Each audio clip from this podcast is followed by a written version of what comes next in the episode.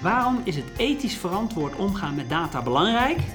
En hoe doe je dat nou in de praktijk? Mijn naam is Marius van Rijswijk. Welkom bij de VKA Privacy Podcast.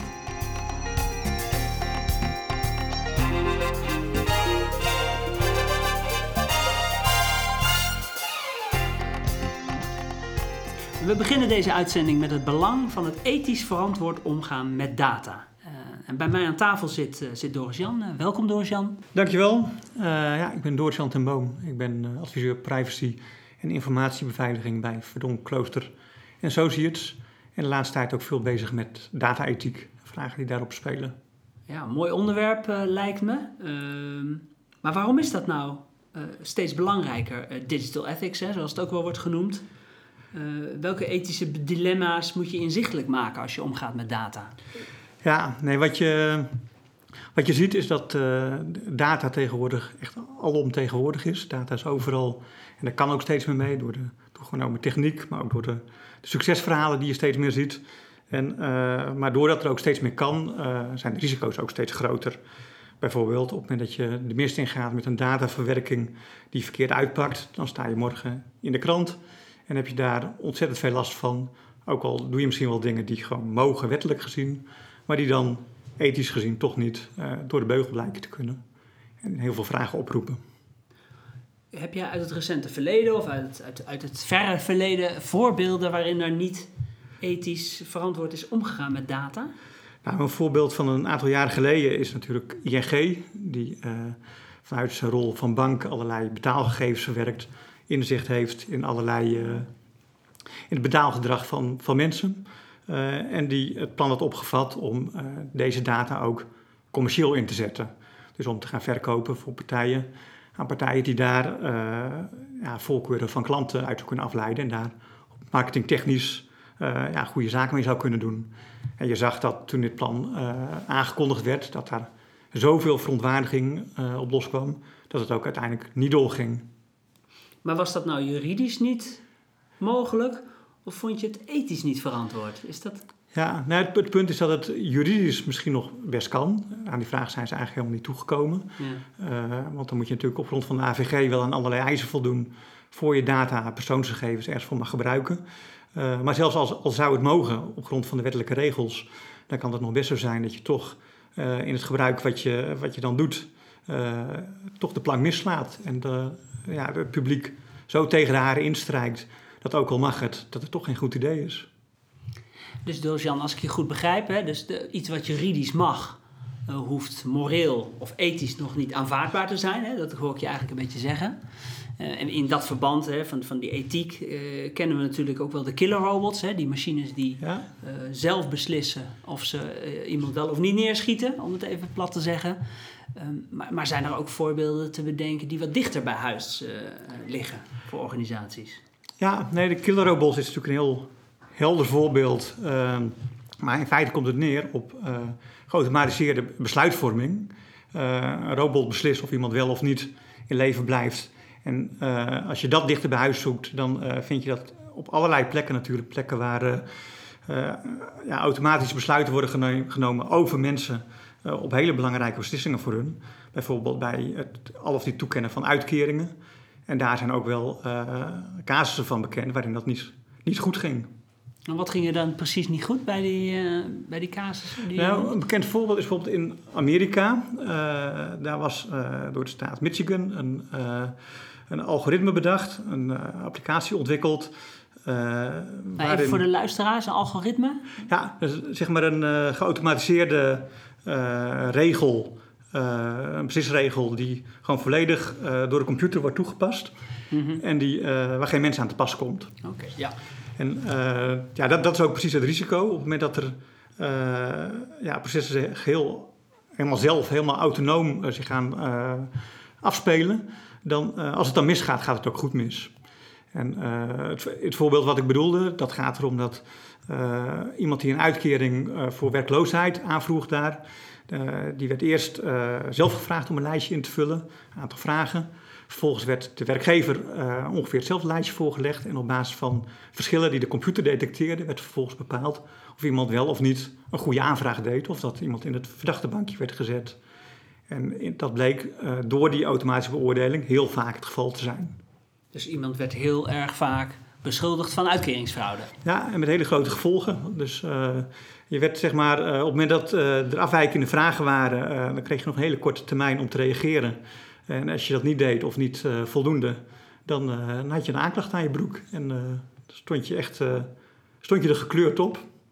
Als ik jou zo behoor, dan, dan is de onschuldpresumptie hè, die we hebben in het strafrecht, is van je bent onschuldig totdat het tegendeel bewezen wordt, staat dan ook onder de druk eh, als ik jou zo hoor. Ja, nee, dat is een heel belangrijk principe in het strafrecht. En eh, wat je ook merkt is dat op het moment dat daarvan wordt afgeweken, bijvoorbeeld in een systeem als dit, dat het hier ook direct ook niet alleen niet goed voelt, maar ook eigenlijk niet meer uit te leggen is. Op het moment dat Ja. iemand vraagt waarom eh, gebeurd is, wat er gebeurd is, Hmm. dan is er geen mens die het kan uitleggen. En wat was de consequentie voor deze mensen dan? Even heel concreet, hè? maak het eens gewoon heel plat. Want Ja, nou, de consequentie is dat er, dat er zaken zijn aangespannen alweer een aantal jaren geleden en dat die nog steeds lopen. En dat er nog steeds onzekerheid is over eh, ja, of die uitkeringen wel of niet eh, gaan worden toegekend. Oké, dus, dus als je niet, het kan zo zijn dat als je niet ethisch of, of moreel verantwoord met data omgaat, dan kan dat ook financiële consequenties hebben voor jou als organisatie. In de vorm van schade, claims en, en Ja. dat soort zaken. Ja, nee, je kunt er heel veel last van hebben. Het is niet alleen eh, de publieke opinie die zich eh, tegen je kan keren, maar je maakt ook heel veel kosten als je inderdaad eh, allerlei zaken moet gaan voeren. Ja. En wellicht ook een heel ander systeem inrichten, wat waarschijnlijk ook, eh, ook zal moeten. Ja. Dan zijn er natuurlijk enorme kosten die je maakt. Dat is een mooi voorbeeld, denk ik, wat je, wat je noemt. Ehm, voor de luisteraars misschien nog leuk om er nog eentje uit te pikken die eh, wat tot de verbeelding spreekt. Heb je, ken je er nog eentje? Ja, en bekend is ook de, de kaas van de broedkamer, dus de Belastingdienst. Nou, dat is eh, wat dichter bij huis. eh. Wat een aantal jaar geleden. Dat was ook eh, uitgebreid op tv eh, is dat eh, besproken. Eh, het was een afdeling eh, die allerlei data van alle burgers in Nederland eh, mo- mocht koppelen. eh, en allerlei verbanden kon gaan, eh, gaan zoeken tussen verschillende databronnen. Om op basis daarvan te bepalen waar wel en niet eh, de verdachte gevallen zaten. Dus waar controle moest plaatsvinden. Ehm, en uiteindelijk is gebleken dat eh, door het gebrek aan controle op, op die beslisregels, dat daardoor de Belastingdienst in grote problemen kwam, omdat ze absoluut niet konden uitleggen eh, wie er wel en wie er niet een bezoekje kreeg van de Belastingdienst. En dus ook allerlei organisaties heel erg ja, veel werk bezorgden op basis van ja, een heel dubieus mechanisme. En ehm, wat daar nog bij kwam, was ook dat het heel slecht beveiligd bleek te zijn. Dus op het moment dat eh, de Belastingdienst allerlei data bij elkaar gaat zetten die op zich heel gevoelig zijn, dan, eh, dan verplicht dat tot een bepaalde zorgvuldigheid. Hè? Je moet een bepaalde eisen voldoen. Dus de consequentie was eigenlijk dat er ongelijkheid eh, kwam in de beoordeling van verschillende mensen, Ja. van de burgers in Nederland. Ja. En grote ongelijkheid, niet uit te leggen ongelijkheid. En daarbij dat is dan het ethische eh, dilemma, zeg je eh, eigenlijk. Ja, nee, de, de, de rechtsgelijkheid in Nederland is natuurlijk een groot goed. En eh, dat er niet gediscrimineerd wordt. En dat er op basis van hele ja, objectiveerbare regels dit soort beslissingen worden genomen. Dat, dat is een van de uitgangspunten van, van de overheid. Als ik je zo beluister, Doris Jan, eh, belichten we vooral de negatieve kant hè, van, eh, van de consequenties die het heeft. Als je vooral niet ethisch met data omgaat of niet verantwoord met data omgaat. Eh, maar zijn er ook voordelen te noemen van eh, het, het verantwoord en het ethisch verantwoord omgaan met data? Ja, nee, zeker. Ehm, het is inderdaad zo dat we tot nu toe met name de risico's hebben belicht. En die spreken natuurlijk ook erg tot verbeelding. Maar de reden die erachter zit, dat is natuurlijk dat je gewoon op een goede en slimme manier eh, wilt werken. En dat je risicogebaseerd wil werken. Dat je die gevallen wil controleren waar, de grootste risico's zitten. Dus in die zin, het, het uitgangspunt is helemaal niks mis mee.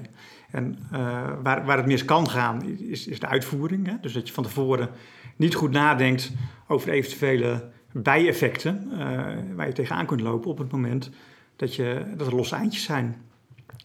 Ehm, bijvoorbeeld met de Belastingdienst op het moment dat ze heel precies hadden kunnen uitleggen eh, hoe het algoritme in elkaar zat, welke beslisregels er werden gehanteerd, dan was het al een stuk, eh, was er minder weerstand geweest. Nou, maar daarmee zeg jij dus eigenlijk van, nou, als je dat vooraf verantwoord doet, als je daaraan denkt, en als je vooraf goed in beeld brengt welke potentiële ethische dilemma's er kunnen zijn, dan kan je die voorkomen en kan je juist dat wat je wil bereiken, efficiënt opsporing doen bijvoorbeeld, die kun je dus juist doorzetten. Terwijl ze nu eigenlijk hebben moeten stoppen, omdat er allerlei ethische bezwaren naar voren zijn gekomen. Ja, nee, de, de kunst is inderdaad om, uh, om van tevoren de, de, juiste vraag te stellen. En om je dus ook bewust van te zijn dat dit soort vragen er zijn en dat die risico's bestaan. Uh, en dat, ja, dat vereist een andere mindset. Dus dat je uh, op het moment dat je, dat je data gaat gebruiken om, om, om, om beter te werken, om slimmer te werken, dat je altijd moet afvragen of je geen groepen buitensluit, of dat je data van voldoende kwaliteit zijn, of er geen, geen, geen vooroordelen in die data zitten waardoor je bepaalde groepen kunt gaan uh, benadelen, ja. ongewild. Ja, dus het omgaan met data biedt ook heel veel, uh, heel veel kansen. Uh, maar het is dus belangrijk om als organisatie het morele kompas te ontwikkelen.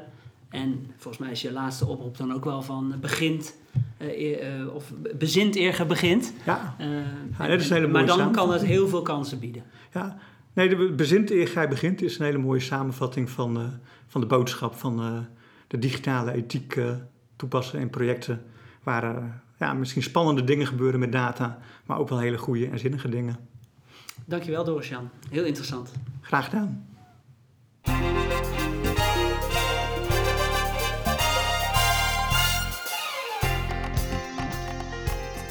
Ook in de uitzending Iris over hoe je nu ethisch verantwoord omgaat met data.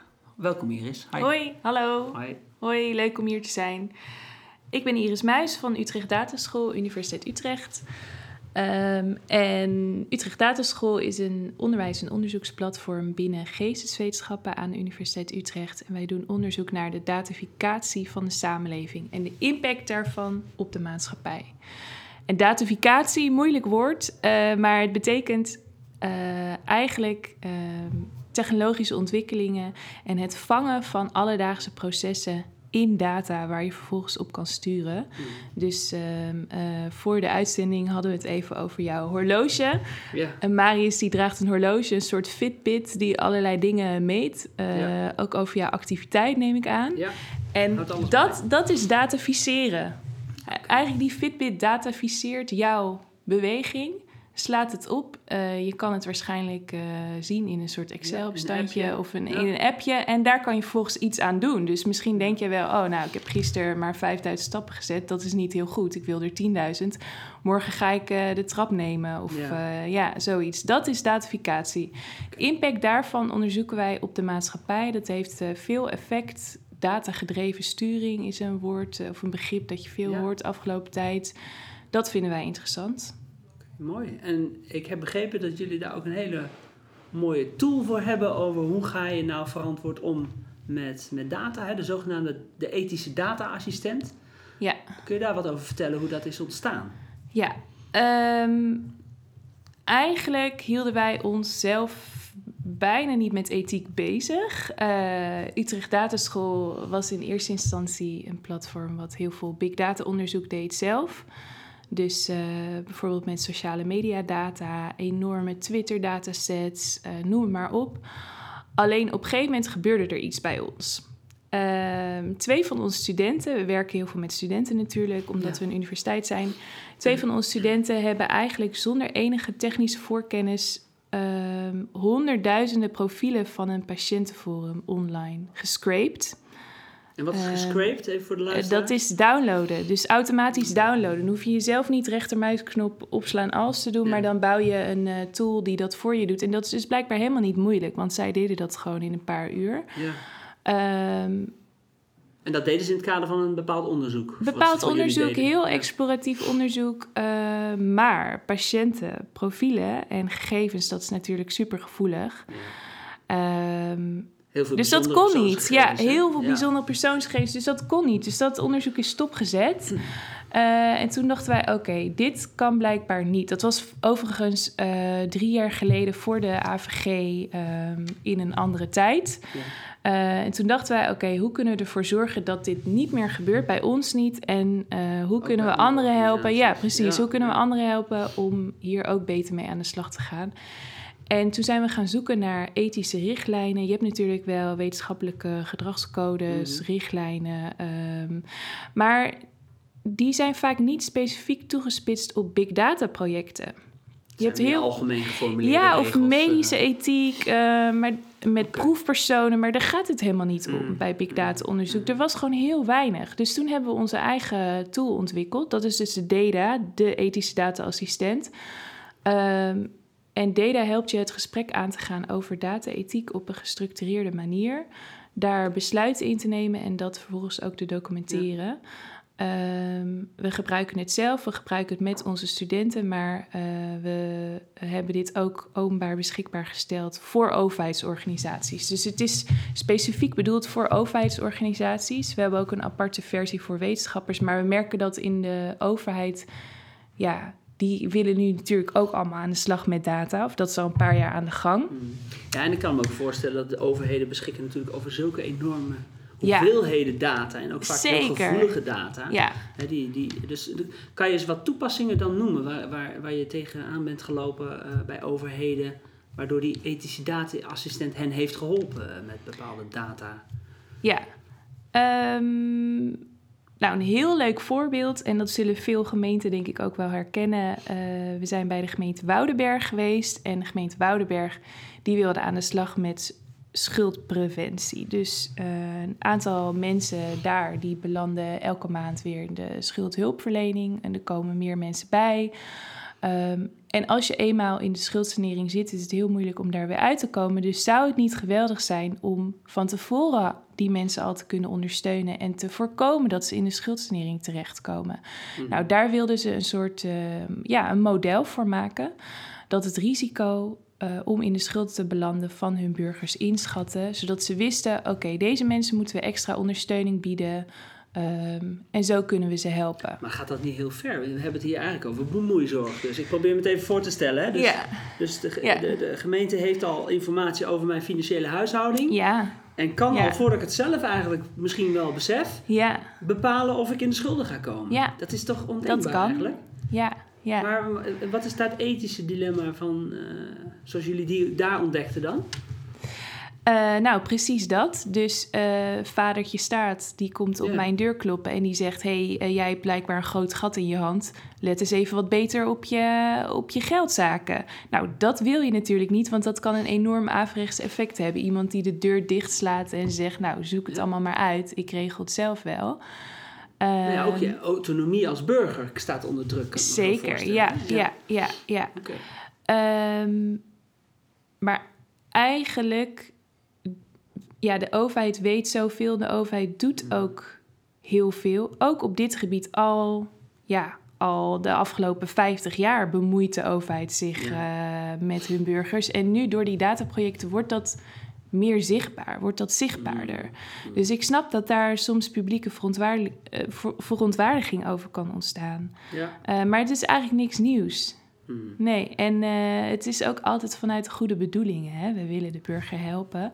Maar goed, inderdaad, als je die ethische knelpunten, mogelijke ethische knelpunten bij zo'n soort project niet goed in kaart brengt Ja. en niet goed mee omgaat, dan kan het doorslaan en dan krijg je een soort minority report. Ja, maar die data die helpt natuurlijk. daar dus bij om vooraf eigenlijk Ja. in beeld te brengen van joh, welke mogelijke ethische vraagstukken roept dit Ja. op? Ja. Hè, en dan kun je daar dus heel proactief Exact. eh, mee een keuze ook in maken. Kan ik me voorstellen of je het wel of niet wil. ja, Nou, iets wat wel mag, hoef je nog niet te willen, ethisch Klopt. gezien. Ja, Ja. oké. klopt. Heb je andere voorbeelden bij andere gemeenten eh, die ook die, die data hebben toegepast en om ons wat meer inzicht te geven ook in de toepassing ervan? Ja, zeker. We zijn bij veel overheidsorganisaties geweest, ook ministeries, ehm, ook bedrijven. Ehm, en daar zie je dat eh, veel mogelijke ethische knelpunten staan, zijn gewoon nog niet in het vizier. En dat, dat snap ik ook, Mm. want eh, ja, e- ethiek is toch best iets abstracts en er wordt niet heel vaak over gepraat. Nu gelukkig wel wat meer door de AVG ook. Ehm, bijvoorbeeld, eh, we waren bij de gemeente Dordrecht. Ehm, daar wilden ze hun ongeorganiseerde sporters beter in kaart brengen. Dus ze wilden graag weten waar alle hardloopclubjes hun eh, dagelijkse hardlooprondjes Mhm. deden. Om die beter te faciliteren, om die sporters te ondersteunen. Eh, hoe ga je dat aanpakken? Welke data heb je nodig? Ten eerste, dat is een hele belangrijke vraag. Misschien heb je die data al wel. Het bleek dus dat elk jaar er in Dordrecht, of elke paar jaar, een gezondheidsmonitor wordt uitgevoerd. Waarbij burgers al allerlei vragen beantwoorden over georganiseerde sport. Daar kwam dan een rapport uit. Alleen die data die daar aan ten grondslag lag, die werd verder helemaal niet meer gebruikt. Dus die was er al. Dus voordat je zelf allemaal als een gek data gaat verzamelen en Strava gebruikt of andere runners apps uh, data gaat kopen daarvan. Is het wel nodig, hè? Dus ja, is het wel nodig. Misschien heb je dat al. op een andere manier verkregen. En, en ja. inderdaad. En dat is ook heel relevant om uh, in kaart te brengen, want uh, dan bespaar je jezelf een hoop moeite. En dat zijn ook dingen die door het doen van de data naar boven komen. Ja, ik herken dat wel. Ik zie bij klanten zelf ook wel die dan. we, we hebben een hele hoop data we willen wat met data. Hè? Maar, maar de echte strategie om uh, met een bepaald specifiek doel met die data aan de slag te gaan, die ontbreekt soms. Ja. Dat ze misschien ook niet precies weten hoe, wat ze ermee kunnen, wat ze ermee willen. Hè? Ja. Um, en als ik jou zo goed beluister, dan is die data, die helpt je dus ook bij dat, dat, die besluitvorming. Ja. Om vooraf al in kaart te brengen van, joh, kunnen we hier wat mee? Ja. En wat willen we hiermee? En wat willen we mee? Ja. Eh, volgens mij is die data ook wel breder dan alleen maar ethiek. Uh, ik, ik, ik, ken de data een beetje hè, en uh, ik, ik zie daar ook communicatie bijvoorbeeld staan. Ja, uh, ja. Verantwoordelijkheden. Uh, Klopt. Ook, ook privacy aspecten worden daarin meegenomen. kun je misschien wat meer vertellen over dat, die, dat dat wat breder is dan alleen ethiek? Ja, wij hebben eigenlijk een redelijk brede opvatting van ethiek. Dus vanuit technische vraagstukken, communicatievraagstukken, kunnen ook ethische knelpunten ontstaan als je die niet goed oppakt. Um, om een voorbeeld te noemen, we waren bij een heel grote organisatie, commerciële organisatie. Ik kan de naam helaas niet noemen, maar uh, uh, daar waren we. Die hebben een heel groot project, zijn ze aan het opstarten met heel veel verschillende stakeholders. Technisch was het echt perfect geregeld, tot in de puntjes al uitgedacht. Um, samen met hen hebben wij de data doorlopen en toen kwamen we bij het onderwerp communicatie. En een van de vragen die dan besproken wordt is is er een communicatiestrategie voor dit project? Hoe ga je dit communiceren naar jouw klanten en burgers of, of bezoekers? Uh, en zitten alle stakeholders op één lijn? Mhm. En toen zag je, toen was er echt een soort wow-moment van: oh, oh, we hebben die technisch helemaal goed uitgedacht, maar over communicatie hebben we eigenlijk nog helemaal niet nagedacht. Mensen gingen echt in hun, in hun agenda opschrijven, uh, afspraak maken met alle stakeholders over communicatiestrategie. Dat waren ze even vergeten. Uh, ja, inderdaad, ja, ja. En um, um, ook al ben je je bewust van sommige ethische aspecten, zoals privacy, daar wordt heel veel over gepraat, mhm. kan het toch zijn dat je andere aspecten over het hoofd ziet. En data helpt je om op een gestructureerde manier alle onderdelen te bespreken. Sommige hoeven helemaal niet heel relevant te zijn binnen jouw project, maar andere kunnen heel relevant zijn en je, die kan je niet op de kaart hebben. Ja, dus hè, eh, naast, naast of het juridisch mogelijk is, uh, ook de ethische aspecten meewegen als je het hebt over data, het gebruik van data. Ja. En wat ik je ook hoor zeggen, doe dat vooral vooraf. Ja. Eh, om nou ja, een hoop gedoe achteraf te voorkomen. Zeker weten. En ook nog eens ja. bestempelt het natuurlijk dat je ethisch verantwoord bezig bent. Ja. Uh, dus die organisaties die met data aan de slag gaan, doe eerst de data hè, en kijk of daar ethische vraagstukken liggen en los die dan, dan op. Ja, en natuurlijk wil ik niet de data uh, de hemel in prijzen. Er zijn ook andere ethische tools uh, om hierover na te denken. Maar naast de vraag, kan het? Is dit technisch mogelijk? Moet je ook altijd de vraag stellen, wil ik dit? Willen wij dit als organisatie? En daar gaat het om. Nou, vind ik een mooi, uh, mooi streven. Dankjewel Iris. En ik vond het een heel interessant gesprek. Ja. En ik ga zeker eens kijken hoe de data voor organisaties kan gaan werken. Leuk, dankjewel.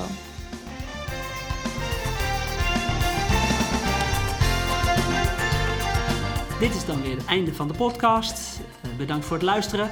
In de show notes vind je de belangrijkste documenten. En vragen en opmerkingen zijn natuurlijk altijd welkom. Dat kan via privacy.wka.nl. Mocht je nou geïnteresseerd zijn in de ethische data-assistent, laat het ons weten. Deze podcast vind je ook terug op iTunes. En in april hebben we weer onze volgende uitzending. Tot dan!